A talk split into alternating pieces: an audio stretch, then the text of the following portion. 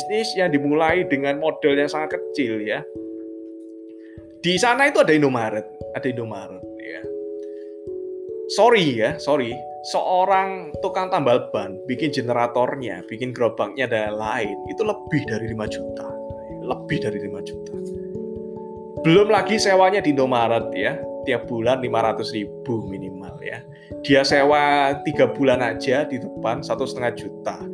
Tambah generatornya dia ya dan lain mungkin bisa habis 10 juta ya. Itu teknisi tambal ban, tukang tambal ban. Saya kalau bilang tukang tambal ban kok ya kasihan ya.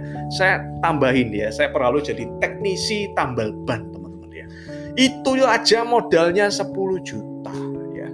Kalau teman-teman mau mulai bisnis, jangan jangan remehkan seorang teknisi tambal ban teman-teman ya. Jangan meremehkan ya. Itu bisnis teman-teman. Ini juga bisnis. Jadi kita jauh lebih enak teman-teman ya, jauh lebih enak. Semuanya sudah online dan lain sebagainya. Jadi modal itu sangat-sangat ringan. Modal seperti ini sangat-sangat ringan.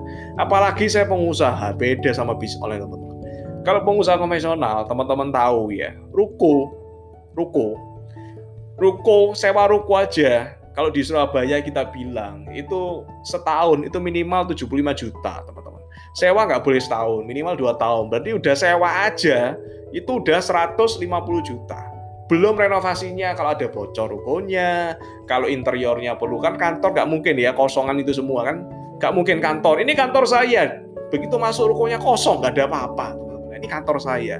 Harus ada meja, kursi, komputer, ya, laptop, harus ada printer, wifi, furniture, lemari dan lain sebagainya teman-teman ya dibikin sekat-sekat ya toiletnya juga dan lain sebagainya teman-teman. Itu butuh mungkin sekitar 100 juta lagi teman 250 juta sudah.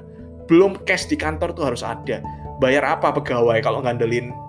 Awal-awal di, di tahun-tahun awal biasanya nggak ada omset teman-teman.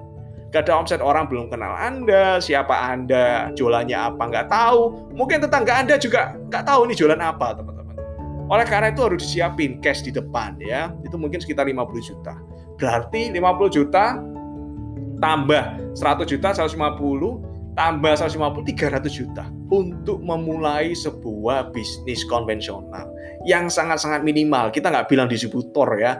Kalau distribusi otomatis teman-teman harus beli dulu barang yang banyak, mungkin sekitar 500 juta ya.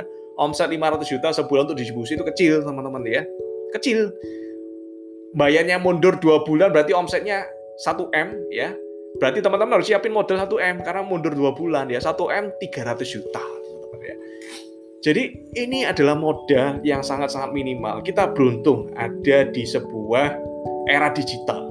Era di mana semuanya online, sebuah konsep bisnis di mana kita bisa jalani di mana saja. WFH, benar-benar WFH, work from home ya. Gak butuh ruko untuk menjalankan sebuah bisnis, tidak butuh tempat untuk menjalankan, gak perlu sewa di mall ya kan sewa di mall juga habis banyak. Saya punya teman ya, bisnisnya F&B, sewa di mall zaman sekarang teman-teman ya. Dua tahun terakhir ini F&B sangat-sangat terpuruk teman-teman. Sangat-sangat terpuruk apalagi di mall. Mall aja bukanya dibatasi, ya kan tutupnya harus segera tutup, gak boleh rame-rame. Coba bayangin teman-teman ya, bisnis gak boleh rame-rame. Orang rame malah disalahin teman-teman ya. Kelihatan rame sedikit malah disalahin jaga protokol kesehatan. Gimana bisnis mau untung, mau BEP ya. Mall itu cari traffic, cari rame. Kalau rame aja nggak boleh, ya kan nggak boleh oleh polisi, nggak boleh oleh pemerintah, ya. Gimana mau bisnis? Oleh karena itu jangan bergantung pada bisnis offline. Kita ini punya online, itulah di